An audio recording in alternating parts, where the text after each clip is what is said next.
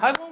Velkommen til eh, seminar eh, med tittel 'Bør vi kjempe for et kristent samfunn'? Jeg heter eh, Morten Dale Sterk, og jeg, har, jeg er over gjennomsnittet politisk interessert. Det tror jeg jeg kan si. Jeg er sånn som finleser lesebrevspalter. Det er faktisk nesten det morsomste jeg leser. Og jeg elsker alt som har med politikk å gjøre, og, og debatt. Så, og heldigvis har jeg en kone som også er sånn over gjennomsnittet politisk interessert, så vi er litt sånn i samme båt. Ellers så kunne det gått veldig gærent foran TV-en eh, hjemme hos oss. Vi bor i Groruddalen i Oslo. Eh, det kunne vært et annet seminar, for det, det er spennende i seg sjøl. Om det forbinder noe med Groruddalen. Det er det stedet i Norge med mest etnisk mangfold. I hvert fall i tillegg til uh, Søndre Nordstrand. Eh, på vår nærskole Nå har vi ikke fått barn ennå, men når vi får barn, så må vi ta stilling til eh, på en eller annen måte om barna våre skal gå på den skolen i Norge med flest nasjonaliteter. Eh, og der hvor eh, hva skal vi si, norske barn er i eh, Altså de som har generasjoner av nordmenn bak seg, er i mindretall. Jeg har liksom til nå ikke sett problemet. Jeg har tenkt at ja, men så fint da, Vi er jo et fargerikt fellesskap. Men noen ser tydeligvis problemet, for det er mange som debatterer det og diskuterer det. Så det må vi ta stilling til før eller siden. Vi bor i en liten hageby sammen med en liten hund som heter Knerten. Det er en dagshund en uh, hverdagshund, pleier vi å si av og til. Altså, veldig hyggelig. Av og til en helgedagshund. Uh, elsker Disney-dags. Nei, jeg skal ikke bruke for mye tid på dagshunden, Knerten. Jeg har gått på bibelskolen i Staffers. Det har også herren i blått bak, bak der. Og kanskje flere av dere. Ehm, min kone har gått her, forresten, på bibelskolen i eh, Grimstad. Eh, studert på Menneskefakultetet, teolog. Eh, har vært profesjonell lobbyist i et par år, altså drevet med politisk påvirkning. Sitte i bydels Velkommen til seminar. KrF sitt bystyre, altså bystyreutvalg, eller bystyregruppa til KrF i Oslo, ja, jobbet mye med politikk fra ulike synsfelt eller ulike vinklinger. På et eller annet tidspunkt så begynte jeg å stille spørsmålet er det egentlig legitimt det jeg driver med. Er det ok at jeg som kristen driver med politisk påvirkning? Og eh, det kan hende at eh, for dere så er denne problemstillingen helt ny, og at dere tenker at ja, ja, hvorfor ikke? Vær så god, eh, bare sett i gang og engasjer deg. Jeg engasjerer meg, eller engasjerer meg ikke. Eh, men eh, fra et kristent synspunkt så, eh, så, kan man godt, eller fra et teologisk synspunkt så kan man godt stille det spørsmålet. Er det legitimt at kristne engasjerer seg i samfunnet, og spesielt i politikken? Kanskje de skulle latt være. Kanskje det hadde vært mye bedre. Det er mange fristelser i politikken. Politikk dreier seg om makt i veldig stor grad. Og skal egentlig kristne mennesker søke makt. Jeg skal komme inn på litt forskjellige problemstillinger her. Jeg har prøvd når jeg har forberedt meg, å eh, fokusere på noen historier og noen fortellinger eh, og vise dere bilder av noen mennesker som har konkret engasjert seg. Men siden dette også er et fagseminar på en apologetikkonferanse, så må vi også ha litt sånn kjøtt på beinet. Så litt eh, teologi, filosofi, det må vi ta med oss eh, underveis. Jeg håper dere er klare for det. Nå er det et ganske kort seminar, selv om dette er et langt seminar. altså det er ikke et kort seminar, Velkommen til deg også. Eh, en time og et kvarter. Så hadde vi hatt litt bedre tid, så ville jeg brukt mer tid på samtale. Men eh, jeg tror tida kommer til å gå veldig fort, og vi skal se litt underveis hva vi, hva vi får til. Eh, jeg må bare si det at Akkurat denne uka her har vært veldig spesiell for meg og Gunhild, min kone. Fordi eh, vi har blitt spilt inn på TV. TV2 Livsstil skal sende et program om noen uker hvor vi skal være med. Eh, og da tenker dere kanskje at dette handler om kristen tro og politikk, eller noe sånt, men det gjør det ikke. Vi skal være på interiørprogram. Eh, så TV 2, TV 2 har vært hjemme hos oss og pussa opp kjelleren.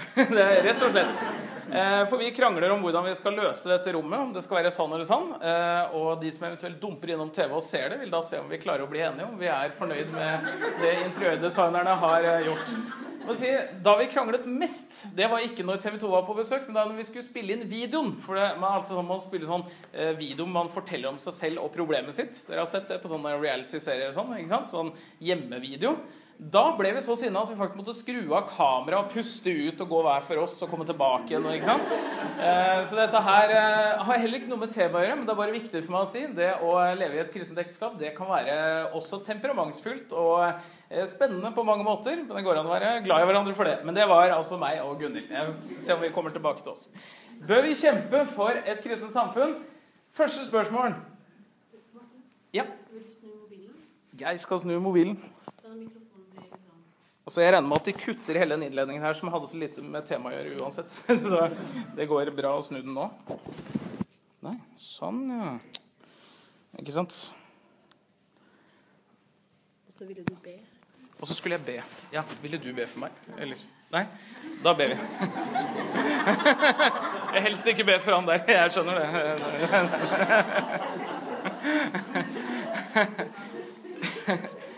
Ja, kjære gode Gud, jeg takker for at du er her, og for at du først og fremst engasjerer deg eh, til det siste for at vi skal kunne leve i fellesskap med deg.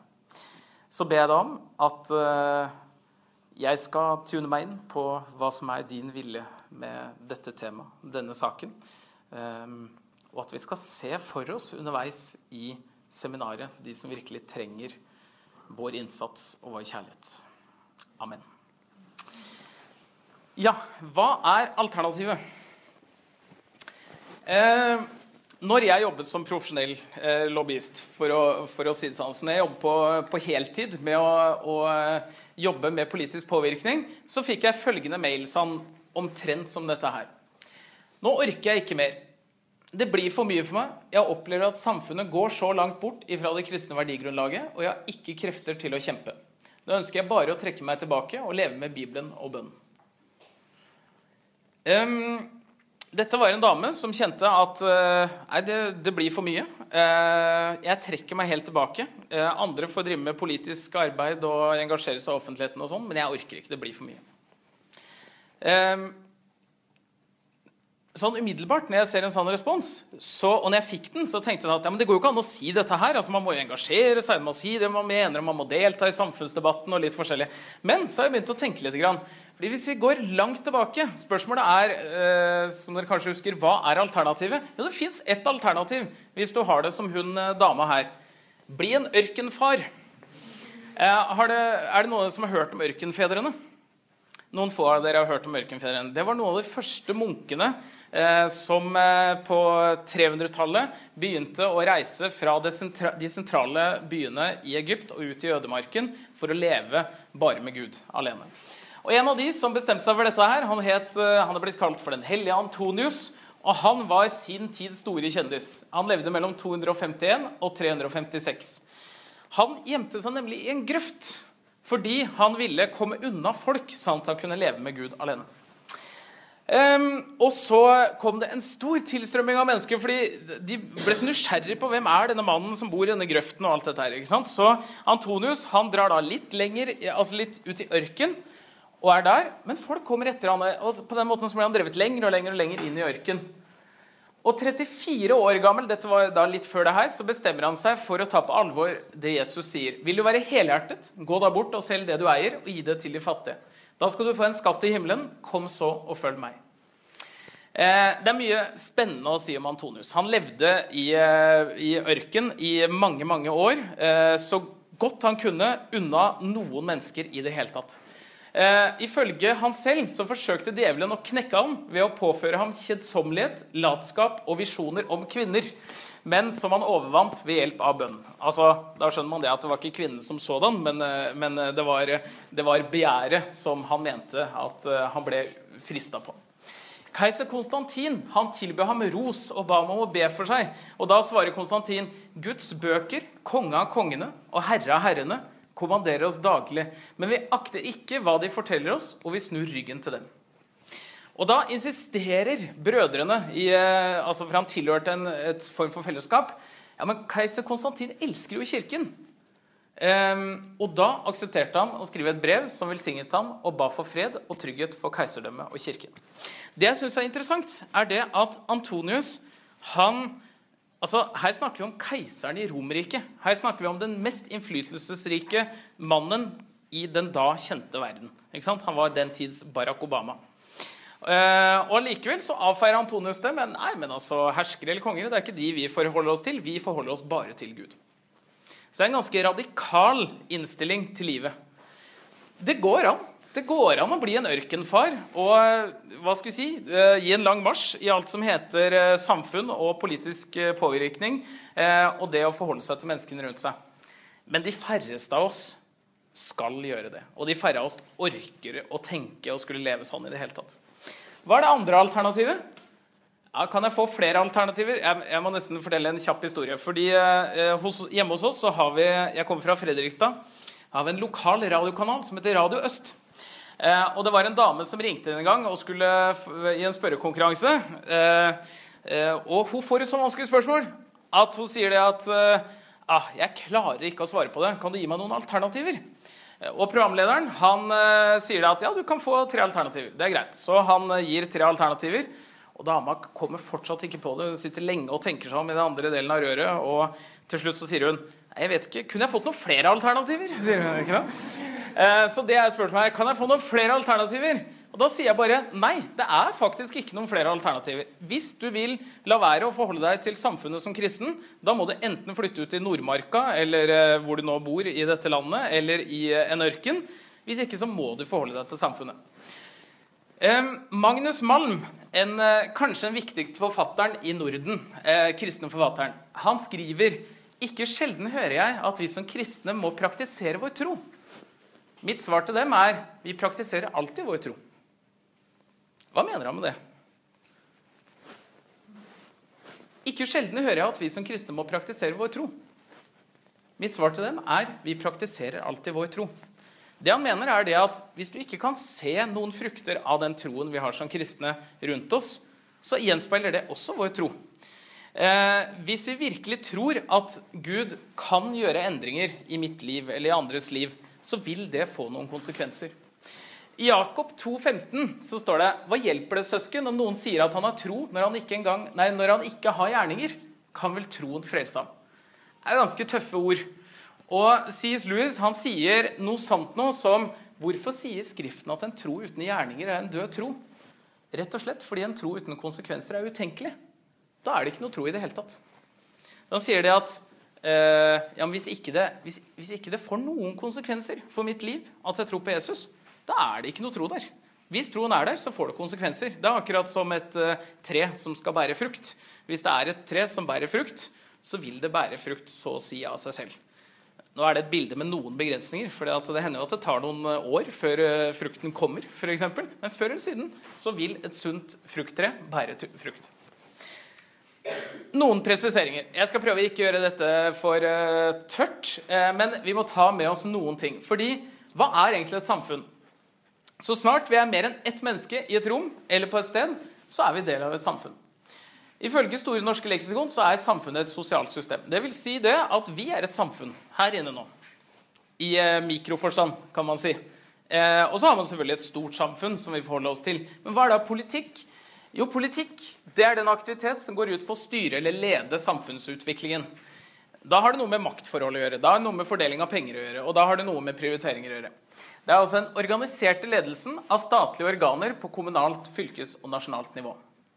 Så spørsmålet er ikke om vi skal delta i samfunnet eller ikke, men om vi skal arbeide for et kristent samfunn. Og hva er det? Og skal vi engasjere oss politisk for å nå disse målene? Og da tror jeg vi begynner å få en sånn peiling på hva dette temaet egentlig dreier seg om. Neste spørsmål spiller det egentlig noen rolle om kristne preger samfunnet eller ikke?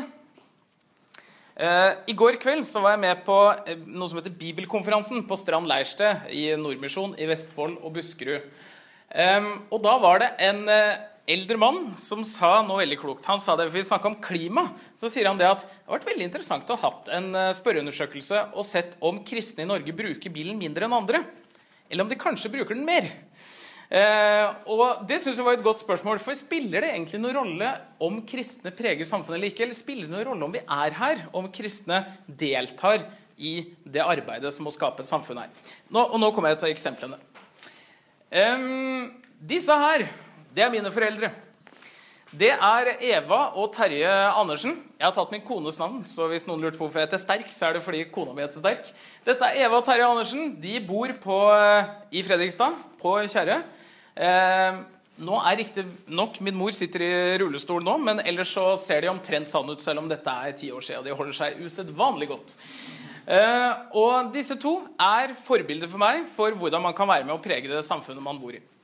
Eh, vi tar han her først. Altså han der. Det er også fortsatt min eh, far. Han er på forsiden av Fredrikstad Blad denne høsten fordi han er en av eh, KrF sine kjernevelgere i Fredrikstad. Nå er ikke dette et KrF-seminar, men eh, jeg må bare si det allikevel. Han er det. Eh, pappa han starta ungdomsklubb i 1978. Er det noen som sånn kjapt klarer å ta hvor lenge det er siden? 1978? 37, ikke sant? 37 år. To år før jeg ble født, for nå er jeg 35. Um, og den ungdomsklubben har han holdt på med siden. 32 år så er han eh, Nei, 37 var det vi ble enige om. Ja. 37 år så har han hver mandag stilt opp og drevet ungdomsklubb for eh, folk i bygda. Det er en kristen ungdomsklubb. Andakt hver mandag. Men det er vektløfting. Så de har basert sin ungdomsklubb hjemme på vektløfting.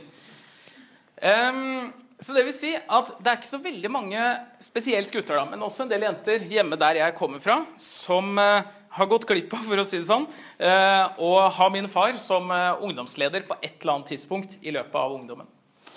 Jeg er veldig stolt av han. Tenk deg det. Altså, Han har en forferdelig krevende jobb. Men allikevel, hver mandag så drar han ned sammen med disse ungdommene, som er yngre enn alle oss som sitter her. og han gjør det hele tiden. Hver uke. Um, og har et utrolig engasjement for at disse her skal klare seg bra uh, i livet. Og at de skal få hjelp fremover. Og når jeg da treffer uh, en av de første som gikk på ungdomsgruppa der, som er uh, litt eldre enn meg um, så sier, altså Når han snakker om pappa, så skjønner jeg at det har gjort utrolig inntrykk på han å være sammen med en ungdomsleder som har tatt seg så mye tid til å være med og støtte en. Det er et fantastisk eksempel på hva et kristent samfunnsengasjement kan være. I tillegg til masse andre engasjement han har i eh, lokalmiljøet. Dette er mamma. Eh, med solbriller. Eh, ser jeg nå. Det var det eneste bildet jeg fant av henne i farta. Mamma hun gjør noe annet. Hun, hver onsdag så er hun sammen med min fetter, som er funksjonshemma. Hver onsdag henter ham på etter skolen, og de drar hjem og de har det gøy sammen. Og hun er veldig tålmodig. Eh, bruker tid og lager middag sammen, gjør lekser sammen og gjør kjekke ting sammen. Eh, og min fetter han er såpass funksjonshemma at han kommer nok aldri til å direkte takke henne for den innsatsen som hun har lagt ned. Men hun gjør det likevel. Og jeg tror det springer også ut fra et kristent samfunnsengasjement. Eller jeg vet at det gjør det. Neste bilde. Er det noen som kjenner hun her? Til venstre? Er det noen som, sett noen som vet hva hun heter? Anne Louise Hubert. Når hun var 19 år Jeg kjenner eh, Anne Louise litt. Når hun var 19 år, så dro hun på backpackertur verden rundt. Og Så kommer hun til en landsby som heter eh, Gombolo i Afrika. Eh, og så ser hun hvilken enorm nød som er der. Og her er det masse ting som man kunne ha gjort. Hun kommer tilbake til Norge kontakter noen bistandsorganisasjoner og sier jeg har lyst til å engasjere meg. Men bistandsorganisasjoner, der går, liksom, der går maskineriet litt treigt, selv om man har store oppdrag å gjøre. Så uh, Anne Louise, som er liksom type som meg, litt utålmodig, hun bestemmer seg for at vi lager en organisasjon sjøl.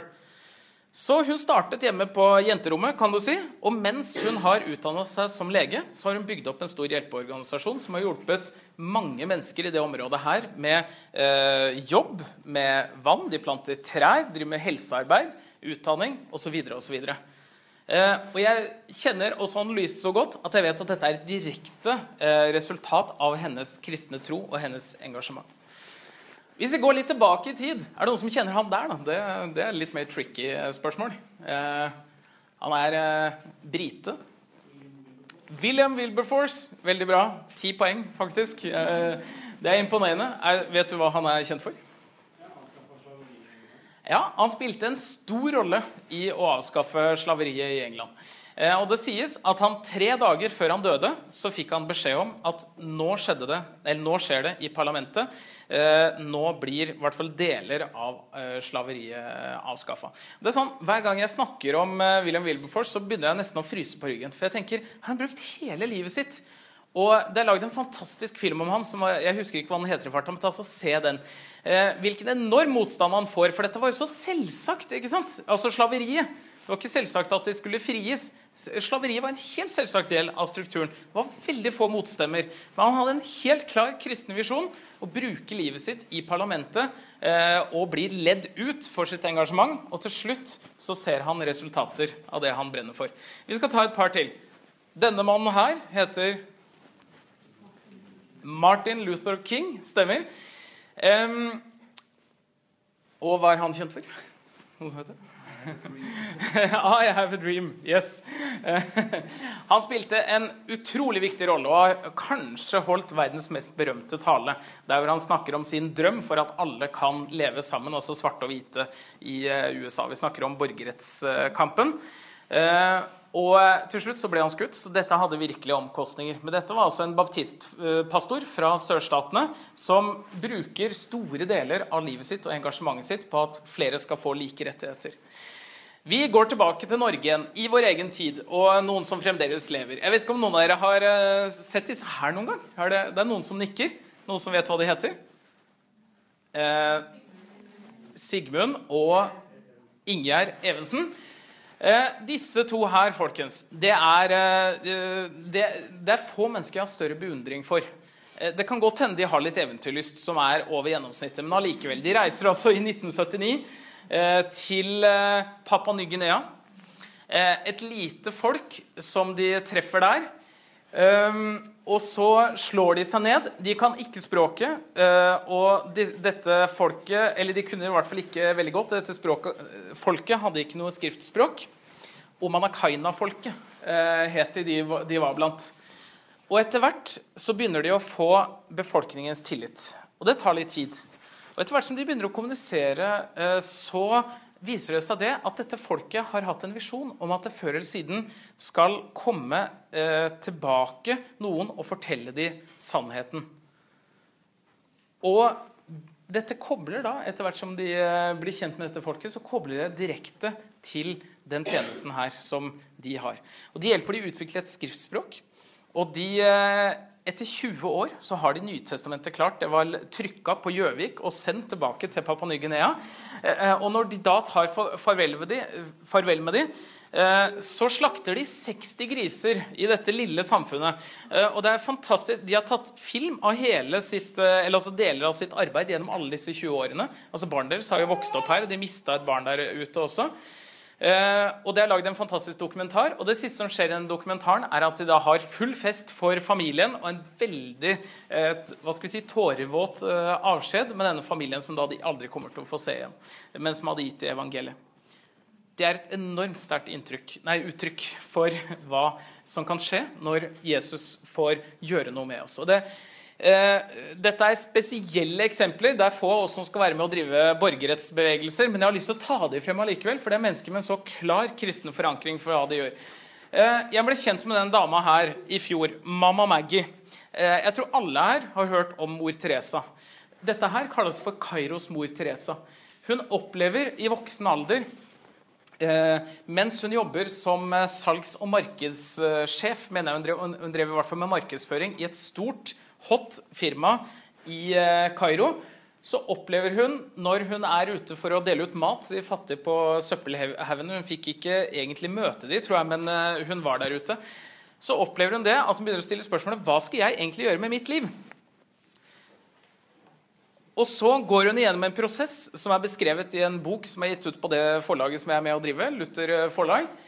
Eh, så går hun igjennom en prosess hvor hun finner ut av at jeg skal gi bort alt jeg eier. Jeg skal gi, si opp jobben. Hun jobbet som lærer på University eh, of Cairo, tror jeg det heter, det amerikanske universitetet i Cairo. Og hun begynner å bare gå ut rundt og dele ut kjærlighet til alle disse barna. Hun forteller om hvordan hun, eh, når hun fikk egne barn, satt og gråt fordi hun hadde så mye mer kjærlighet å gi og så bruker hun da resten av livet sitt på å bare gi kjærlighet til disse barna. Hun driver et av de største diakonale prosjektene i hele Midtøsten.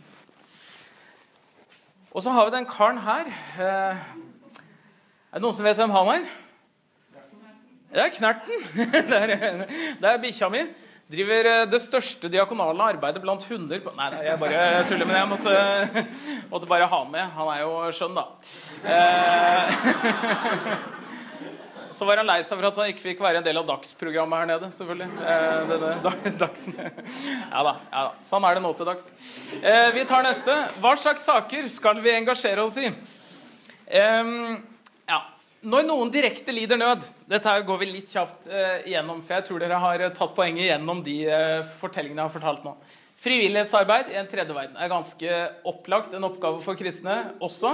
Naturkatastrofer. Ehm, når store, det store jordskjelvet ramma Nepal like før sommeren, så snakka jeg med daglig leder i MAF. Eh, det er en organisasjon som jobber med å fly eh, misjonærer og varer og proviant ut til eh, områder. Og de har spesialisert seg på å komme ut der hvor ingen andre vil fly. Så eh, det som skjedde før sommeren, var det at eh, eh, man sto med masse varer i Katmandu i Nepal. Man fikk det ikke videre, for man hadde ikke utstyr. Hva gjør de da? Jo, de ringer det kristne flyselskapet og organisasjonen MAF og de hjalp de med å få varene videre ut. Så det er et fantastisk, eh, fantastisk eksempel på at eh, det går an. Og eh, det går an å hjelpe utover bare de rene misjonsområdene i verden. Slumområder, barn i slumområder, krisearbeid.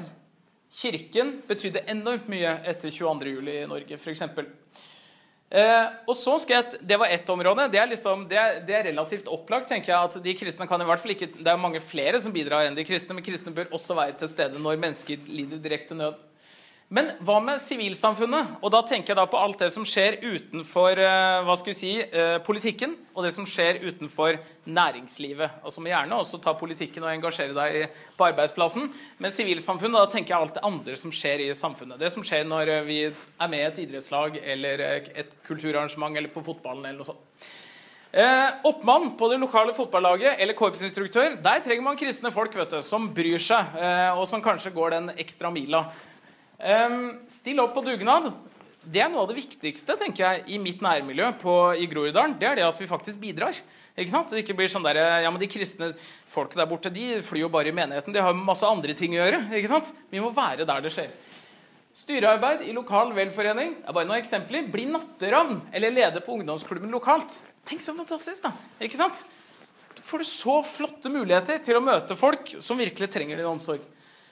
Og så Ungdomsarbeid, organisasjonsarbeid, og her kommer ikke Knerten. Jeg tror kanskje Knerten skulle komme en gang til. Her kommer min vakre kone, Gunhild. For hun er jeg også veldig stolt av. skjønner du.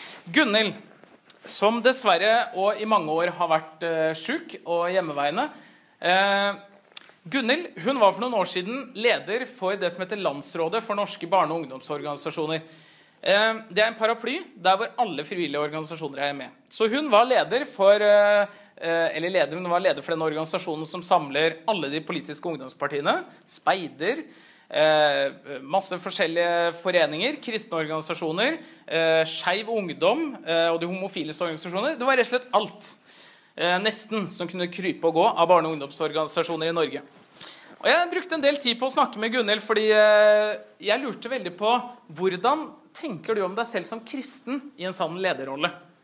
Altså, Dette var en kjempemulighet! ikke sant? En kristen person som får en sånn lederrolle. Da måtte Gunhild si det, som sant var, at ja, men her er jeg leder for alle.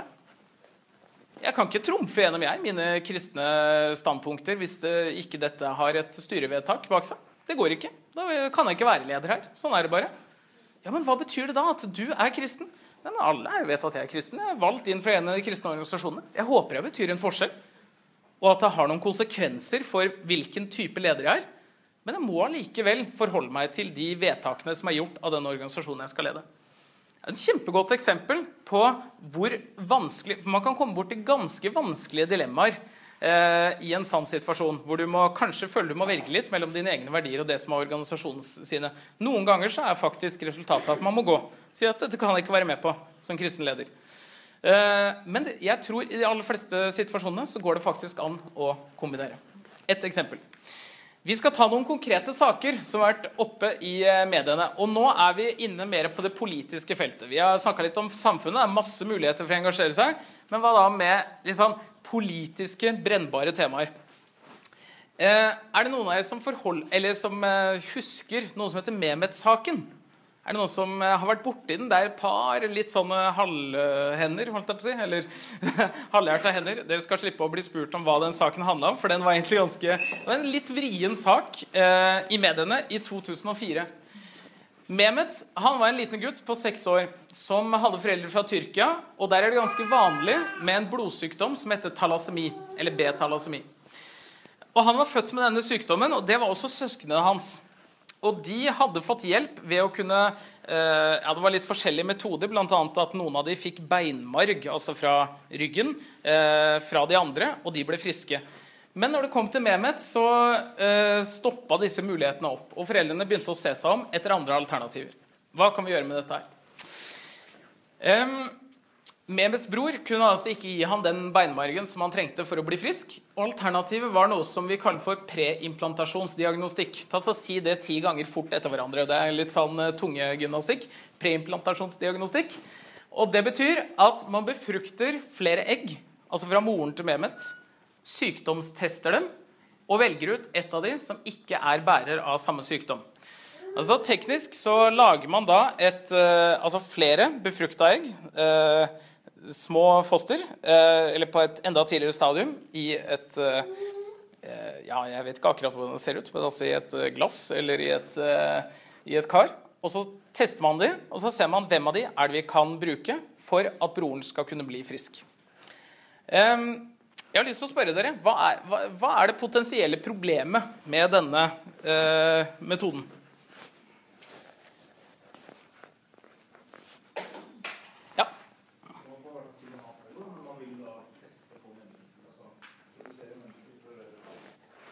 Ja. Ja, jeg hørte ikke det siste, bare. Produsere mennesker.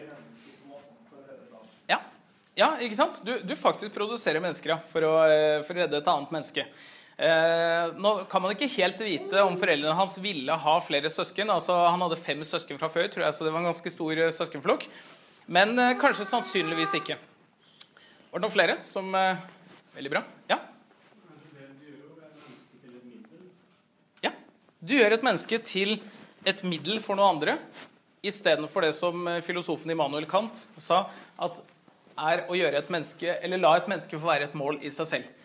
Så der, Ordningen er, er, altså i prinsipp med det eh, Nei, er i strid med det prinsippet. Og så er det én ting til, og det er det at de andre befrukta eggene de vil jo bli destruert.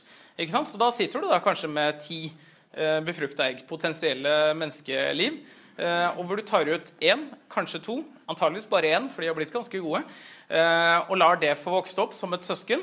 Eh, og det var det som skjedde også, fordi det eh, som ble resultatet her, etter masse politisk dragkamp, Eh, var at loven ble endra, og at det blir lettere å velge ut foster etter egenskaper i fremtiden. Eh, dette er et spennende tema, fordi jeg vil jo si at det hadde vært enda mer problematisk hvis man hadde gjort dette her for å finne positive egenskaper. Altså Man snur det på hodet. Man skal ikke luke ut negative egenskaper, men man skal finne de positive. Altså Jeg vil ha et eh, barn som løper raskest mulig, f.eks.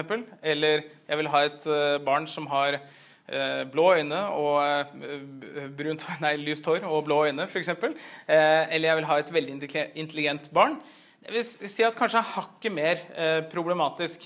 For her er tross alt intensjonen å hjelpe Mehmet, som ellers bare ville blitt 40 år.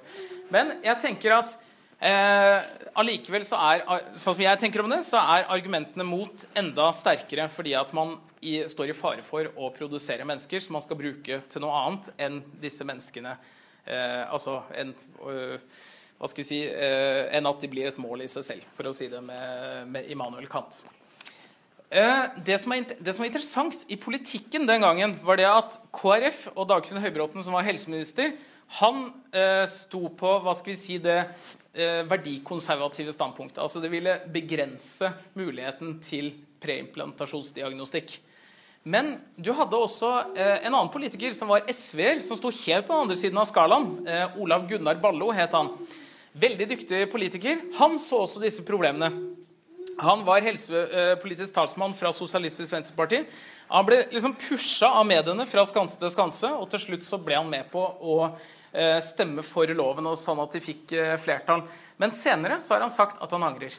Og Olav Gunnar Ballo, så vidt jeg vet, så har han også en, en eh, kristen tro, eller altså en kristen verditilknytning. Og det var i hvert fall andre i SV som hadde den gangen, som hadde de tilsvarende problemene. Og da er vi på en måte midt inne i kjernen her, fordi at sett utenifra så var de kristne stemmene her de som var vanskelige. Ikke sant? Det var De kristne stemmene var jo de som liksom ødela for mulighetene til denne stakkars lille gutten til å få den hjelpen han trengte. Og det er jo et dilemma. Det er et dilemma at kristne i en del sånne samfunns, eh, hva skal vi si, sterke samfunnsdebatter kan oppleves som de som eh, hva skal vi si, ikke støtter fremskrittet, eller ikke skjønner at vi lever i 2015, eller eh, sant? Eh, det, det, Har dere fått med dere det, f.eks. at vi lever i 2015? Eh, ikke sant? Eller litt mer sånn, hva skal vi si, sofistikerte intellektuelle argumenter som går på at eh, kristne ikke ser at dette her vil være best i et lengre filosofisk, eller altså mer filosofiske argumenter. Men jeg mener allikevel at eh, det at noen kristne faktisk her peker på at her ødelegger man kanskje ti liv ved å la ett få vokse opp, eh, det mener jeg har en veldig stor verdi i seg selv. Det er ikke sikkert noen andre hadde reist den debatten engang. Og Derfor så mener jeg at dette egentlig er veldig, et godt eksempel på at samfunnet trenger kristne stemmer. Eh, vi, skal, eh, vi, skal, ta en, eh, et par sanne saker til. Er det noen som forbinder noe med samvittighetsfrihetssaken? Nå ble lange ord her, da, men ja, den, den, var det litt flere som hadde vært borti. Dette her skapte så mye strid eh, våren i fjor at eh, 8. mai-toget Nei, unnskyld. 8. mars. eh, ja, det er 8. mars, ikke sant? Det plutselig, Dette var litt pinlig. 8. mars-toget eh, det eksploderte fra å være en sånn litt sånn eh, liten gruppe som har engasjert seg veldig, så var det veldig mange som gikk ut i gatene og protesterte.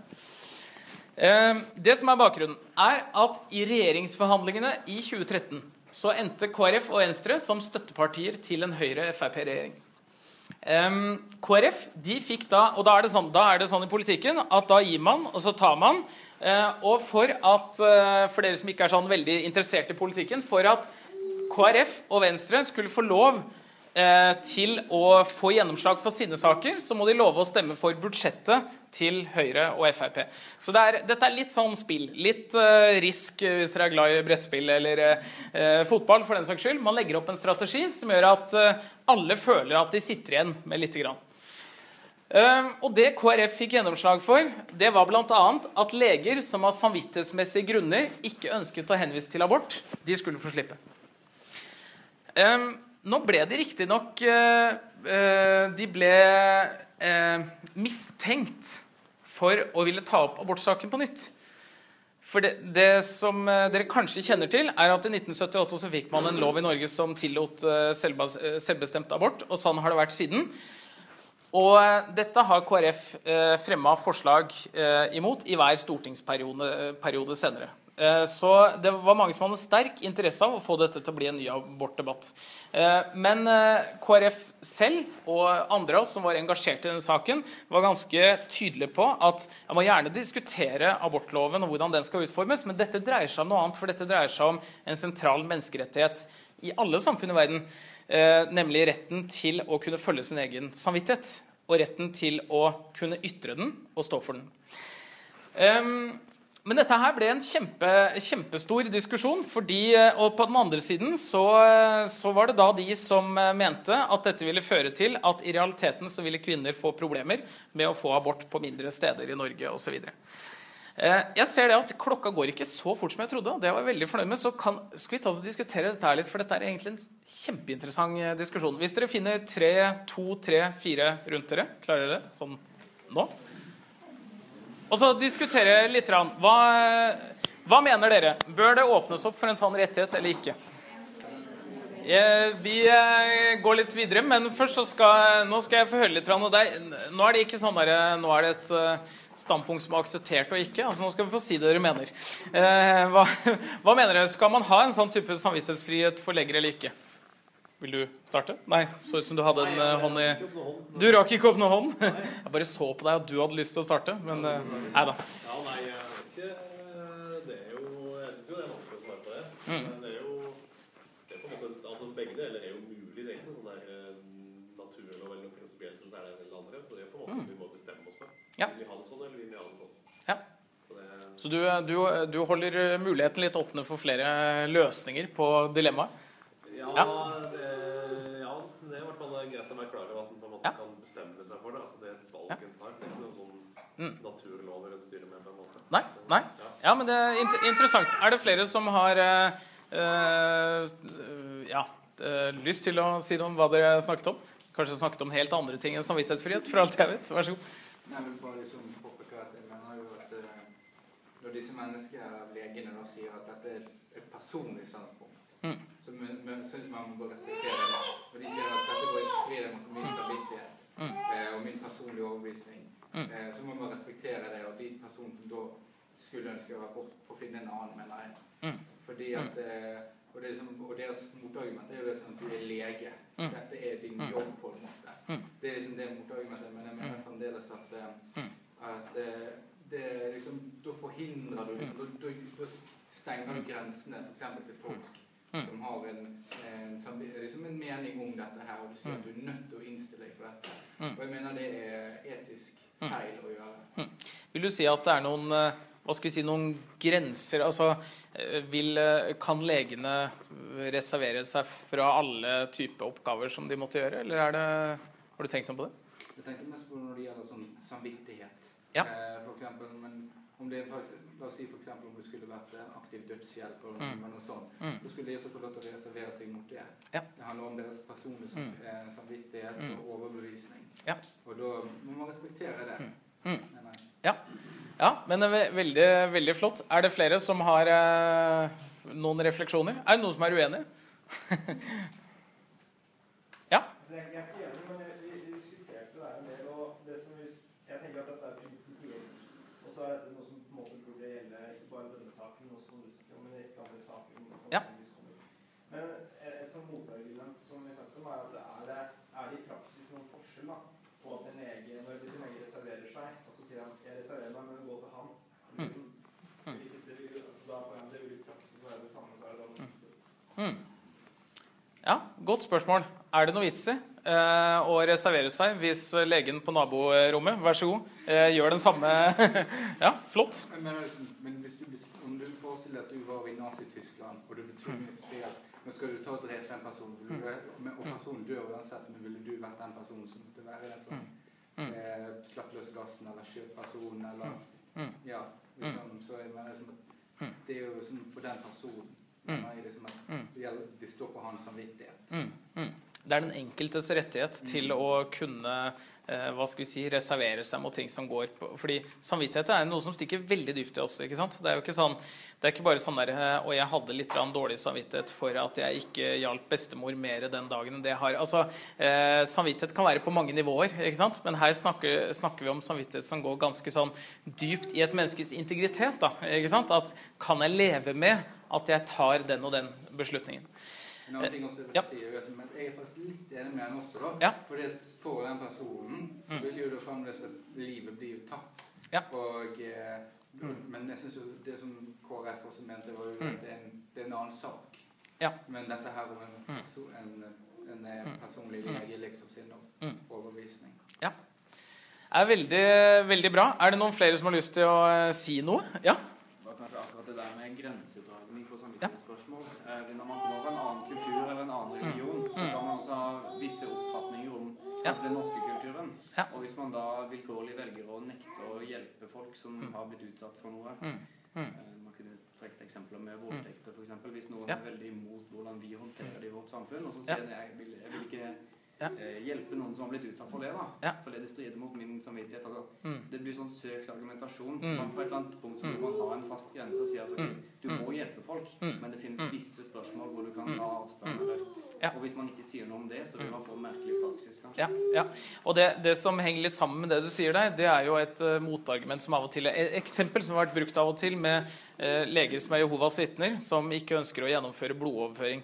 Eh, det er klart, du, du sliter faktisk som kirurg hvis du har det, det standpunktet, for blodoverføring må du nesten drive med hele tiden. I hvert fall på en del typer kirurgi. Eh, Men eh, det kan argumenteres med at der går det faktisk en grense den andre veien. og sier det at ja, Er du lege, så må du faktisk bidra til å eh, verne livet. eh, og det ligger såpass eh, altså i legene sin egen eh, ja, altså, hva skal vi si, det, det ligger så dypt i legeetikken på den andre siden. Men eh, det kan være greit å snakke om disse tingene her, for det viser også noe av hvor komplekst det er. Eh, og eh, nå er jeg så heldig at en av mine beste venner han har gitt ut en bok som heter 'Menneskeverd i klinikk og politikk'. Den ligger borte på bokbordet her borte, der han beskriver bl.a. denne saken her ganske, ganske godt. Og han sitter i eh, Altså, ja, Jeg kan gå videre på den lista her, for der kommer det her. Eh, for det første kan jeg si det at konklusjonen den var eh, Den ble tredelt. For det første at eh, Eller forutsetningene var tredelte. At ordningen skulle være begrenset til dem som hadde store etiske innvendinger. ikke sant? Her holder det ikke å si det at eh, Nei, jeg har ikke så lyst til å gjøre denne oppgaven. Det må være noe som virkelig eh, ja, treffer den, eh, den moralske samvittigheten. da. Og punkt nummer to at ordningen skulle være begrenset til spørsmål som gjaldt liv og død. Og det er ikke sånn helt enkelt å sette den grensa der. F.eks. kan du reservere deg mot eh, å henvise til befruktning for lesbiske par. Det, det, er et interessant spørsmål. Er det egentlig et liv og død-spørsmål, eller er det ikke? Eh, mange vil nok si at det i hvert fall har med religionsfriheten å gjøre. Og spørsmål nummer tre eh, at alle kvinner skulle få hjelp uansett. Og det var inne på det du eh, sa der i forhold til eh, ikke sant? Hvis ikke du hvis en lege reserverer seg på et legekontor, så må de finne en annen løsning. Um, konklusjonen ble foreløpig at henvisningsplikten falt bort. Dvs. Si det at istedenfor å diskutere om lege kunne reservere seg eller ikke, når det gjaldt abort, så bare tok de bort hele henvisningen. Uh, det var i hvert fall det siste jeg fikk med, men det kan hende det har skjedd endringer i mellomtiden. Og det andre var at spørsmålet om samvittighetsfrihet skulle behandles av et bredt utvalg. Og det er der min gode venn Morten Magelsen er med. Uh, og det er jeg veldig stolt av. da. Han har skrevet akkurat en doktorgrad uh, om, i medisinsk etikk.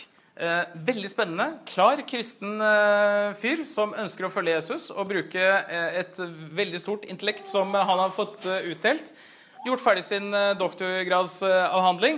Og det var så gøy å være på festen her. Da var bl.a. Eh, filosof eh, Henrik Syse. Og der kommer vet du, til og med akademikere og, snakker om Jesus og greier på en sånn eh, doktorgradsdisputas med gjester fra inn- og utlandet. Så eh, det var for meg en veldig sånn stor happening, da. Eh, det går an som kristne å gå inn på helt andre fagfelt enn det vi vanligvis forbinder med kristne som skal ta seg en jobb for å hjelpe, f.eks. Kan ikke disse gjøre jobben? KrF de startet jo et eget kristent parti i 1936, tror jeg det var.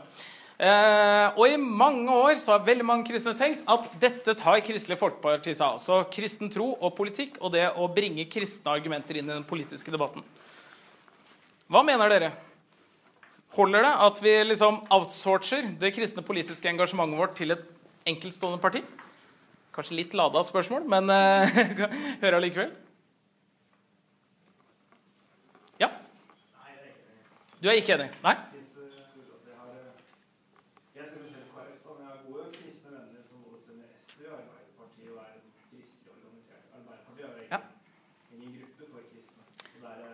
Arbeiderpartiet har kristne arbeidere. Ja. ikke sant? Ja. det handler, men det, handler om at du må være tro mot deg sjøl, din egen, Ja. verdier i politikken. Ja. Eh, ve veldig bra. Det var noen flere her også, var det ikke det? Som eh, Var det det? Ja, vær så god. Mm. tenker på det at det ikke bare er sånn forhold til politikk, da, men altså, jeg er jo kristne hele livet. Ja. Ikke sant? Så det er jo ikke sånn at jeg er bare kristen når jeg er i kirka, eller når vi bare er litt bevarere. Um, Lavri har en ganske fin filosofi på det. hvis du kjenner på det. Mm, nei? Nei, det er sånn Jeg vet ikke hva som kan være, men i hvert fall eh, Da Konstituttet for kommunikasjon og livssyn, Ja. så snakka de om at eh, det er ikke noe i livet som er mer åndelig enn noe annet, på en måte. Nei. Altså, for at det, det påvirker hele, Mm. hele identiteten vår. Mm. Da, da kan vi liksom ikke bare Mm. outsource det, som du sier. da. Nei, ikke sant? Ja. Du kan ikke skille oss i det at liksom, du har en politisk del av det kristne engasjementet, den får noen andre ta seg av. Eh, det er mye mer integrert enn som så. Vi, eh, ja, vær så god. Ja, du er KrF-politiker, ja. ja jeg, jeg, jeg syns det er veldig fint å føle på den støtten fra folk som stemmer KrF, men ikke nødvendigvis er ja, eh, hva skal jeg si, politisk aktive. da. Ja. Så, eh, så jeg, jeg syns det er veldig flott når folk liksom skriver leserinnlegg på de verdisakene og Ja. på. Eh, Så jeg håper jo at folk kan gjøre det liksom, selv om de ikke er direkte. Ikke sant? Eh, Man trenger eh, hva skal vi si, en kristen stemme også fra de som ikke er liksom engasjert i det partiet med et kristent navn. Ja. Eh, ja. tenker Vær så liksom, jeg vet ikke om ordet lobbyist, liksom, men du kan jo Ja. Det er liksom at du har at Istedenfor at du for eksempel har et parti som kjører saken for deg, som hele Mm. tiden blir stemplet eh, Mm. ut av mediene og hele tiden eh, hakket ned på og sånn som det der, Mm. er ikke det da liksom bra man har engasjerte mennesker som Mm. f.eks. står litt for de samme sakene som KrF står på, som det gjelder familiepolitikken og verdigrunnlag og Mm. eh, menneskeverd og sånn. Men istedenfor at du tar parti med KrF, så du tenker at dette er en KrF-sak, så tenker du dette er mer en allmenn sak som vi mener For, for tvers av politiske partier Ja. bør holde seg til å være enig i. Ja. Eh, Og en av de som engasjerte seg sterkest i spørsmålet om samvittighetsfrihet, for eksempel, det var Inge Lønning. Han er Høyre-politiker og satt som visepresident i eh, Stortinget. Døde dessverre eh, for tidlig. Eh, Men eh, fra et helt annet parti. ikke sant? Og selvfølgelig en stor støtte for, eh, for KrF-gruppa, som da sto samla om denne saken her. Så selv om jeg har vært engasjert, og er for så vidt også engasjert i KrF, så er ikke mitt svar her at derfor må dere bare melde dere inn i KrF, og så har vi liksom løst det. Jeg har lyst til at vi skal liksom tenke litt videre, og tenke som så at uansett hva slags politisk preferanse du har Altså kanskje, kanskje du Altså det er SV sitt eh, miljøengasjement og bistandsengasjement som driver deg. Eh, så tenkte jeg at ja, men da kan jeg engasjere meg som kristen i, den, eh, i det partiet eller den sammenhengen. Eh, og det er ikke sikkert du er partipolitisk engasjert engang. Det har vi også snakka om at det finnes massevis av muligheter til å engasjere seg utenfor politikken. Men jeg tror også det går an å engasjere seg i politikken. Jeg skal komme litt inn på det mot slutten av seminaret nå. Det som går på konsekvensene av at kristne begynner å leve annerledes. Uh, ja, jeg kommer kjapt uh, til det. Vi må bare si litt om det teologiske og filosofiske grunnlaget. Spesielt det filosofiske er her ganske spennende. Fordi finnes det på en måte et teologisk grunnlag for at vi som kristne skal være engasjert i samfunnet eller i politikken? Eh, Det mest opplagte, kanskje, når man jobber litt med dette her som teolog, det er faktisk første trosartikkel. Jeg tror på Gud Fader, himmelens og jordens skaper. Alle er derfor innebefattet Ja, det står ikke i Bibelen, det var mine ord. Må ikke lese meg selv inn i skriftene. Eh, alle er derfor innebefattet av Guds verden. Alle er skapt i hans bilde. Guds vilje er at alle skal bli behandlet med verdighet. Altså, Hvorfor sier jeg dette her? Jo, fordi at tanken om at både jeg og du og alle mennesker bærer Guds bilde i seg og Guds uttrykk, det er helt unikt med tanke på eh, et engasjement for eh, svake og fattige, f.eks. Eh, for hvorfor skal man egentlig engasjere seg for at andre mennesker skal ha et godt liv? Eller altså, hvorfor- skal man engasjere seg i det hele tatt? Jo, svaret på det er jo ikke at det er bare kristne som engasjerer seg, for det er det opplagt ikke. Snarere tvert imot skal man si at nettopp fordi at alle bærer dette gudsbildet i seg, så er de verdt å kjempe for. Men det betyr også at alle har, og det er neste punkt, alle har del i Eh, nei, det er ikke neste punkt. Det var det når jeg holdt dette foredraget i går. sånn omtrent det samme. Eh, alle mennesker har del i moral. Altså Hvis ikke du er syk, så vil du ha del i evnen til å kunne tenke moralsk. Eh, og det har med, eh, tenker vi innenfor en kristen teologi, med at vi er skapt av Gud å gjøre. Alle har del i denne hva skal vi si, ønsket om å gjøre godt. Og at vi også faktisk også skal ønske om å gjøre vondt. Det har noe med syndefallet å gjøre. Eh, fordi vi er skapt i Guds bilde. Punkt nummer to. Eh, det høres kanskje kjedelig ut, og noen av dere har kanskje lært om det på et kristendomsstudium. Toregimentslæren. Det var Luther som eh, skrev ganske mye om dette her. Eh, og han tenkte som så at Gud har to måter som han styrer verden på. Det er gjennom kirken, og det er gjennom myndighetene. Oppgavene er forskjellige, men begge er Guds regimenter, kalte Luther det. Altså, begge to er Guds områder. Og Dette her tok han bl.a. for det Jesus eh, sier om at du skal gi Gud det Guds er, og keiseren det keiseren er. Altså, Kirken og staten har to forskjellige arbeidsoppgaver. Det vil si at Kirken skal forkynne Guds ord, sånn at mennesker kommer til frelse. Og staten den skal sørge for at innbyggerne i et samfunn har det bra. Sånn helt grovt sagt. Eh, men så er jo da spørsmålet skal vi separere det helt. Jeg har vært borti de som sier det at Kirken skal bare forkynne Guds ord. Kristne skal bare forkynne Guds ord. Og så får det eventuelt får de konsekvenser i et samfunn at det også skjer positive ting på det politiske arenaene eller i sivilsamfunnet. Eh, mens andre vil si det at eh, en, en variant av den er det at kristne må holde seg langt utenfor, utenfor debatten, eller i hvert fall hvis de deltar i debatten, så må de passe seg for å bruke kristne verdier og argumenter, fordi at dette skal være en fellesarena, og da må vi kunne møtes på like premisser. Det kommer jeg litt inn på eh, det også, når vi snakker om de filosofiske premissene. Men det som er enda viktigere, og da er jeg inne på Mamma Maggie og da er jeg inne på William Wilberforce og de som vi så her i stad jeg mener at Vår diakonale oppgave som kristne har også politiske sider. Det er veldig lett å tenke som så at politikk er bare et maktspill. Så det må vi kristne holde oss langt unna. Men jeg tenker det at, ja, men Er det sånn at politikk bare dreier seg om Dette er et filosofisk spørsmål. for så vidt da. Er politikk bare fordeling av goder, eh, økonomi, prioriteringer? Eller dreier politikken seg også om å hva skal jeg si, eh, styrke menneskets verdi i det samfunnet vi lever i? For I så fall så har det en veldig sterk diakonal side som har med nestekjærligheten å gjøre. Kristne verdier er derfor relevante, mener jeg, for hele verden. På noen eh, premisser. Um, der kom den på nytt, og der kom den på nytt, og der kom alt på nytt. Eh, når det kommer til filosofiske forutsetninger for dette her, så finnes det to hovedskoler som det er vanskelig å komme unna. Det er John Rawls, som er filosof, eller han var filosof, døde i 2002. Og han tenker som så at det er ikke den religiøse, men den politiske dimensjonen som binder samfunnet sammen. I det sekulære samfunnet som vi lever i. Den offentlige samtalen bør derfor bære preg av et språk der alle kan delta på like premisser. Ikke sant? Altså det man kan kalle en allmenn argumentasjon. Eh, altså ikke en religiøs argumentasjon. Hvis jeg sier det, at skaperverket er truet, så har det en ganske sånn sterk eh, teologisk eller eh, religiøs eh, ladning. Men hvis jeg sier det, at eh, klimakrisen er over oss, så har det ikke det. Altså Egentlig er det så, såpass enkelt. Selv om kanskje skaper, eh, skarp, skaperverket er ikke så Det er ikke bare kristne som har på en måte eh, monopol på det begrepet.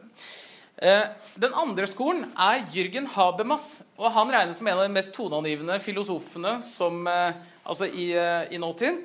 Og når han fikk Holbergprisen i Bergen i 2005, så sier han følgende Og nå må dere bare huske det at Jürgen Habermas han er ateist.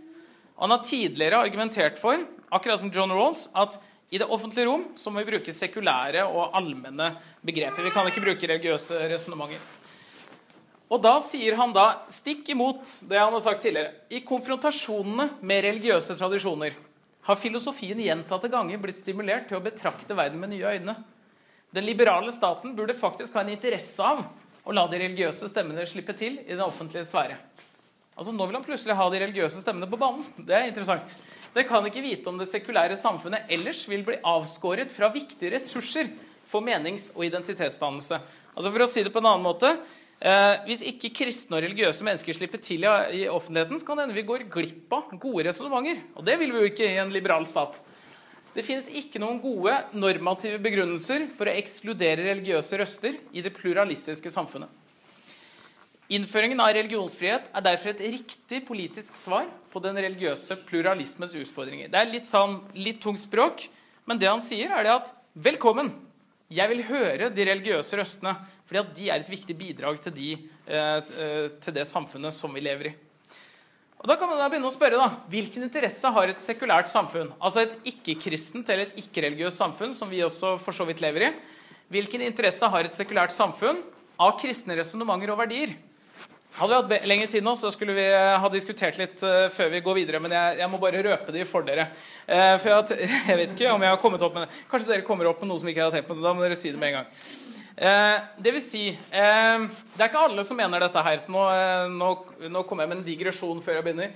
Jan Arild Snoen, som er redaktør for Minerva, på spørsmål fra meg i, et, i en debatt, så sier han jeg er ateist, så jeg ser ikke verdien av kristne verdier. Punktum. Jeg skulle gjerne ha utfordra ham på det og si det at eh, jeg mener du virkelig det at religiøse verdier, altså kristne eh, verdier aldri har ført til noe positivt i det hele tatt. Altså Kristne mennesker må være drevet av sitt eget verdigrunnlag. Jeg skulle gjerne ha liksom pusha han litt mer på det, men det var nå i hvert fall det han sa. Men andre eh, vil si det at nei, vi har en interesse av eh, kristne resonnementer og verdier i vårt samfunn. Og hva argumenterer de med da? Jo, sånn som eh, filosofen din nettopp eh, leste høyt. Et virkelig liberalt samfunn ønsker å inkludere alle borgere. Ikke sant? Altså, Hvis vi tar på alvor at vi mener at eh, vi skal ha rom for alle, så må vi også ha rom for de som eh, oppleves som intolerante, f.eks. Ikke sant? Altså, hvis kristne mener det at um, vi ikke skal innføre en eh, Hvis jeg som kristen mener, og det mener jeg også, at man ikke skulle innført en ny ekteskapslov, da oppleves jeg som intolerant. Men Jürgen Habermas han vil si det at ja, men vi er jo et liberalt samfunn, selvfølgelig skal du også ha plass, og jeg vil høre hva du har å si i den offentlige samtalen. Punkt nummer to. Kristne tenkere og politikere vil trolig komme med alternative løsninger. Kanskje spesielt på etiske dilemmaer. Eh, det bør jo ikke være det. Det kan være helt andre ting. Eh, Tankesmien Skaperkraft, eh, som jeg har vært med i styret til, og som er en veldig interessant aktør med en kristen tankesmie. Eh, de jobber masse med gründerskap. Eh, og de eh, jobber masse med, med økonomi og innovasjon, og nå skal de ut i Europa. Veldig spennende gjeng. Eh, så det bør ikke dreie seg om etiske dilemmaer.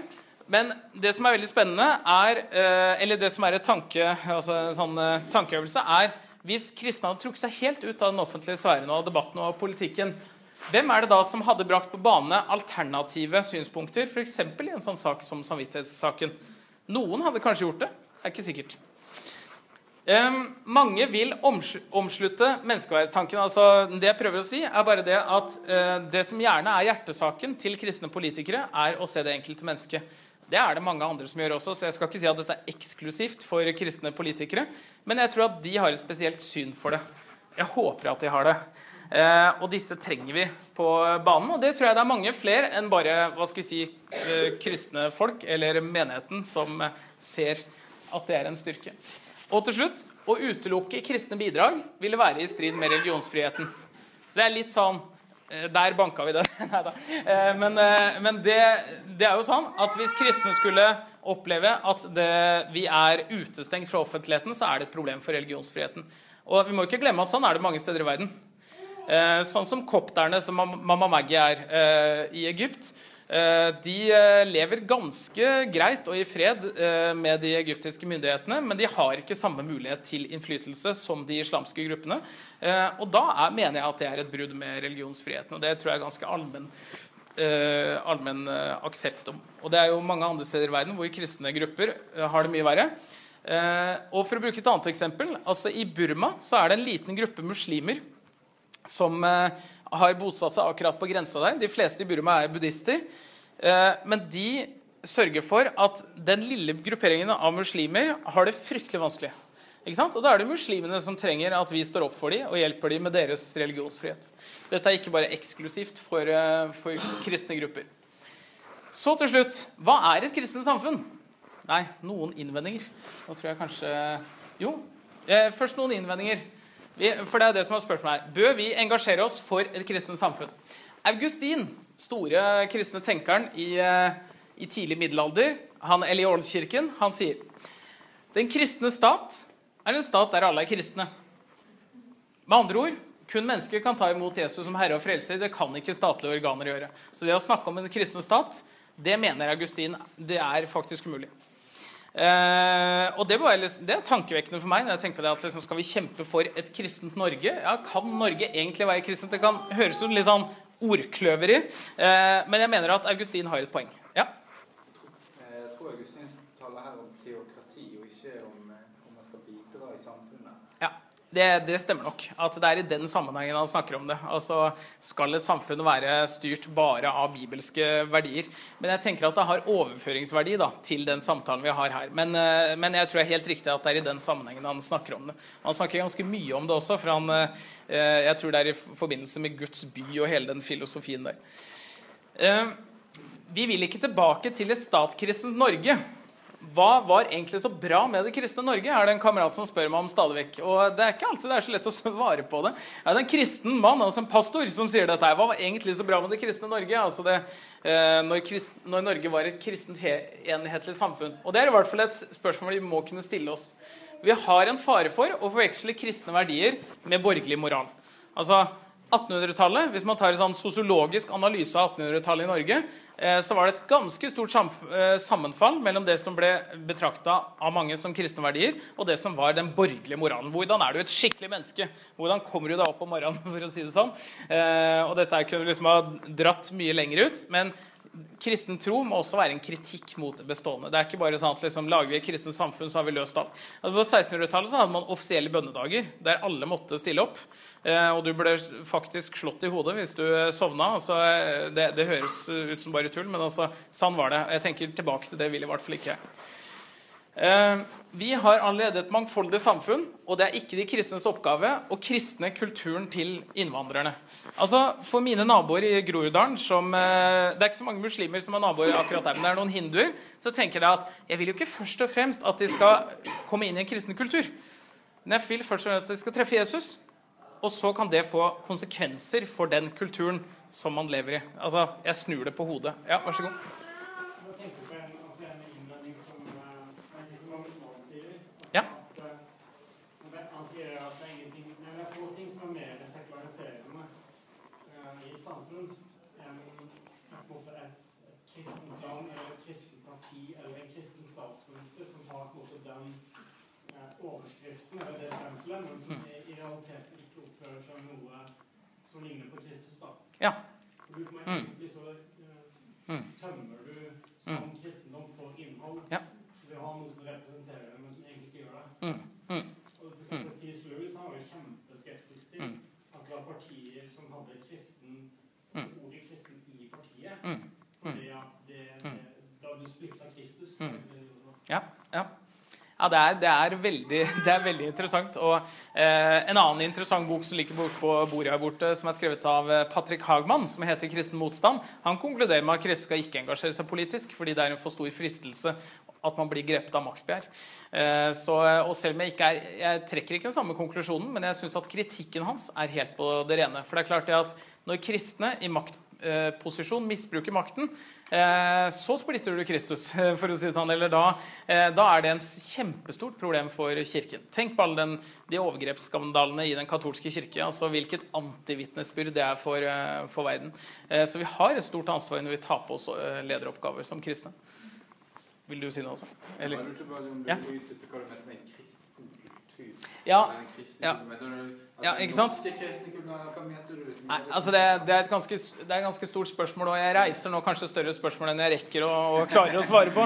Eh, ikke sant? Men eh, jeg tenker litt sånn karikatur av, eh, av eh, afrikanere som blir kristne, og så står de der med, kristne, nei, med norske presteklær og eh, skal synge eh, europeiske sanger. Og, ikke sant? Altså det er litt det jeg tenker på. da, at Det er jo ikke den kulturen først og fremst som jeg vil fremme, eh, men det er etterfølgelsen av Jesus som jeg tror er universell, da, som går på tvers av kulturer. Eh, Så Et av de mest fantastiske bildene jeg vet om sånn i hodet mitt, var et bilde jeg så av noen indianere som var, kristne og gikk først et lovsangstog med sine fantastiske drakter. Altså indianerdrakter med fjær og greier. ikke sant? Eh, Det var et eksempel på meg for at den kristne troa den bryter nettopp de kulturelle barrierene. da.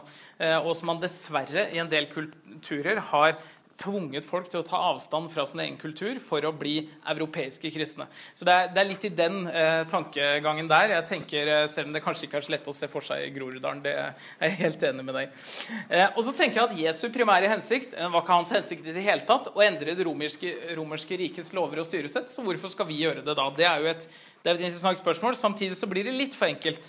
Eh, fordi at når lovene i et land eh, bidrar til å holde mennesker nede, så mener jeg at det er vår kristne plikt og vårt diakonale ansvar å gjøre noe med det. Eh, jeg mener at vi må starte i andre enden. Eh, jeg, eh, altså, Den andre enden fra hva? Det var jo et eh, interessant spørsmål. Hva var det som sto her sist? Hvis vi begynner fra en annen ende, nettopp hvilke positive konsekvenser kan det ha? Og det skal jeg bruke de siste fem minuttene, tror jeg, nå er vi 13 over, til å si noe om. Punkt nummer én. De første kristne de nektet å bøye seg for keiseren.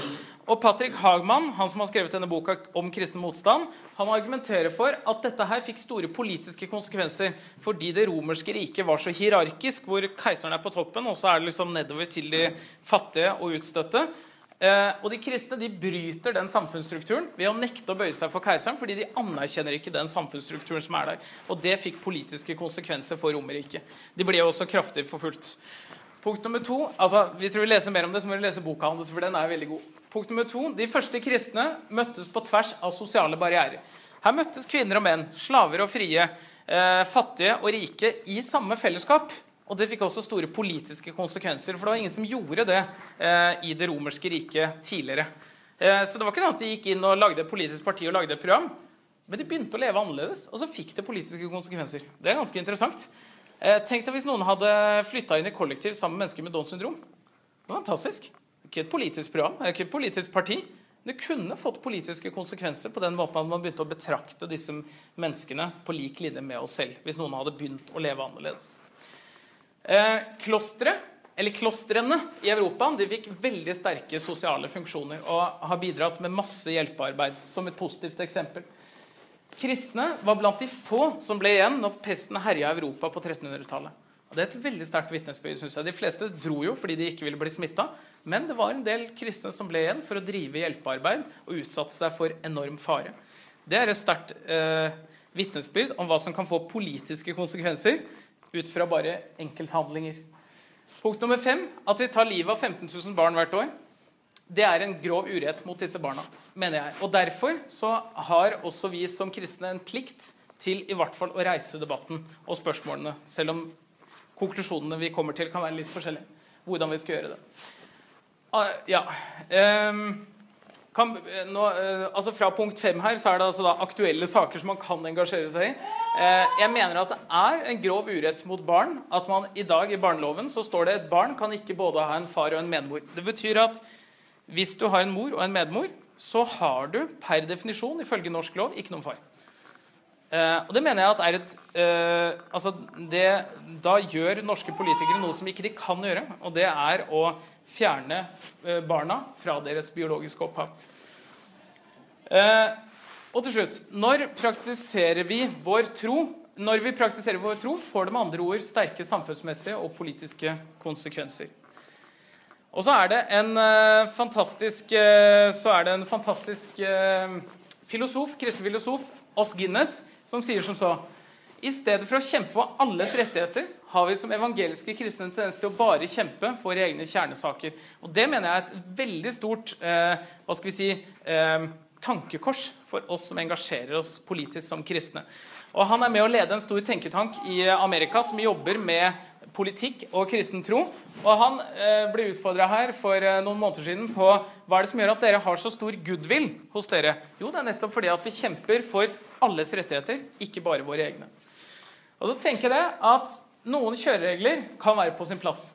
Tenk at Nestekjærlighetsbud og Jesu undervisning det, er, eh, det må legge til grunn også for et politisk engasjement. altså hvordan jeg uttrykker engasjementet mitt som kristen. Eh, jeg mener at det forutsetter klare etiske verdier, som vi var inne på. at dette her med et, Ikke være et antivitnesbyrd, men å være et vitnesbyrd. At vi selv har en høy etisk, eh, altså høye etiske mål. Vi må vise respekt for ulike livssyn, og at folk ikke vil ta imot det vi har å komme med. Det mener jeg faktisk er et veldig godt poeng. Eh, altså Det betyr ikke at du bare skal si at ok, hvis ikke du har lyst til å høre på det, det vil si, da drar jeg bare hjem og ser på TV. Eh, men jeg må vise respekt for at mennesker ikke er enige med meg. Og at de kanskje ikke heller vil uh, høre på hva jeg har å si. Både religiøse argumenter og allmenne argumenter bør ha rom i offentligheten, mener jeg. Men hvis vi ikke kan finne allmenne argumenter overhodet, så bør vi tenke oss om om vi er på rett plass. Altså Hvis du skriver et leserinnlegg og så tenker du det at her må jeg bruke masse kristne ord og begreper for å få fram det jeg mener, kan det hende at uh, den saken egentlig hører hjemme på, i menighetsrådet. Eh, men eh, hvis du kan finne gode allmenne argumenter som alle kan samles om, så er det ikke noe i veien for å bruke begreper som den kristne skapertanken f.eks. Det må jo i hvert fall være lov til det i et virkelig liberalt samfunn. Så kan man spørre seg om hva som er mest strategisk. Det er jo et annet spørsmål.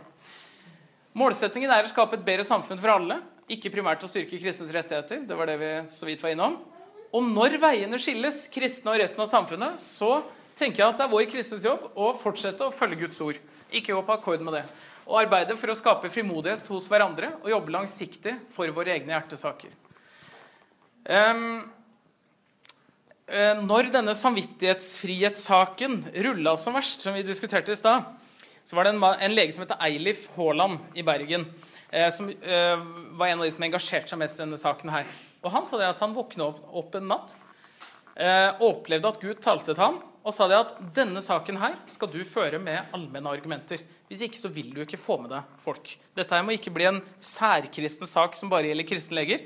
Dette må være en bred sak som samler alle som har lyst til å styrke samvittigheten i dette samfunnet. Dette er den eneste måten vi kan eh, nå igjennom på. Og Det synes jeg var ganske sterkt vitnesbyrd om at man som kristen kan engasjere seg for eh, hva skal vi si, et eh, høyere gode enn bare de kristnes rettigheter, men noe som gjelder bredden i samfunnet. For Det kan jo tenke seg at det var ateister som hadde det samme standpunktet.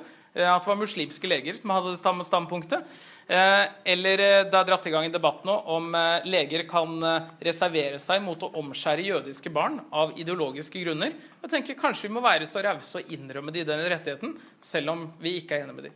Altså, Nå stiller jeg et vanskelig spørsmål helt på tampen, men eh, spørsmålet er hvordan kan vi skape et bedre samfunn?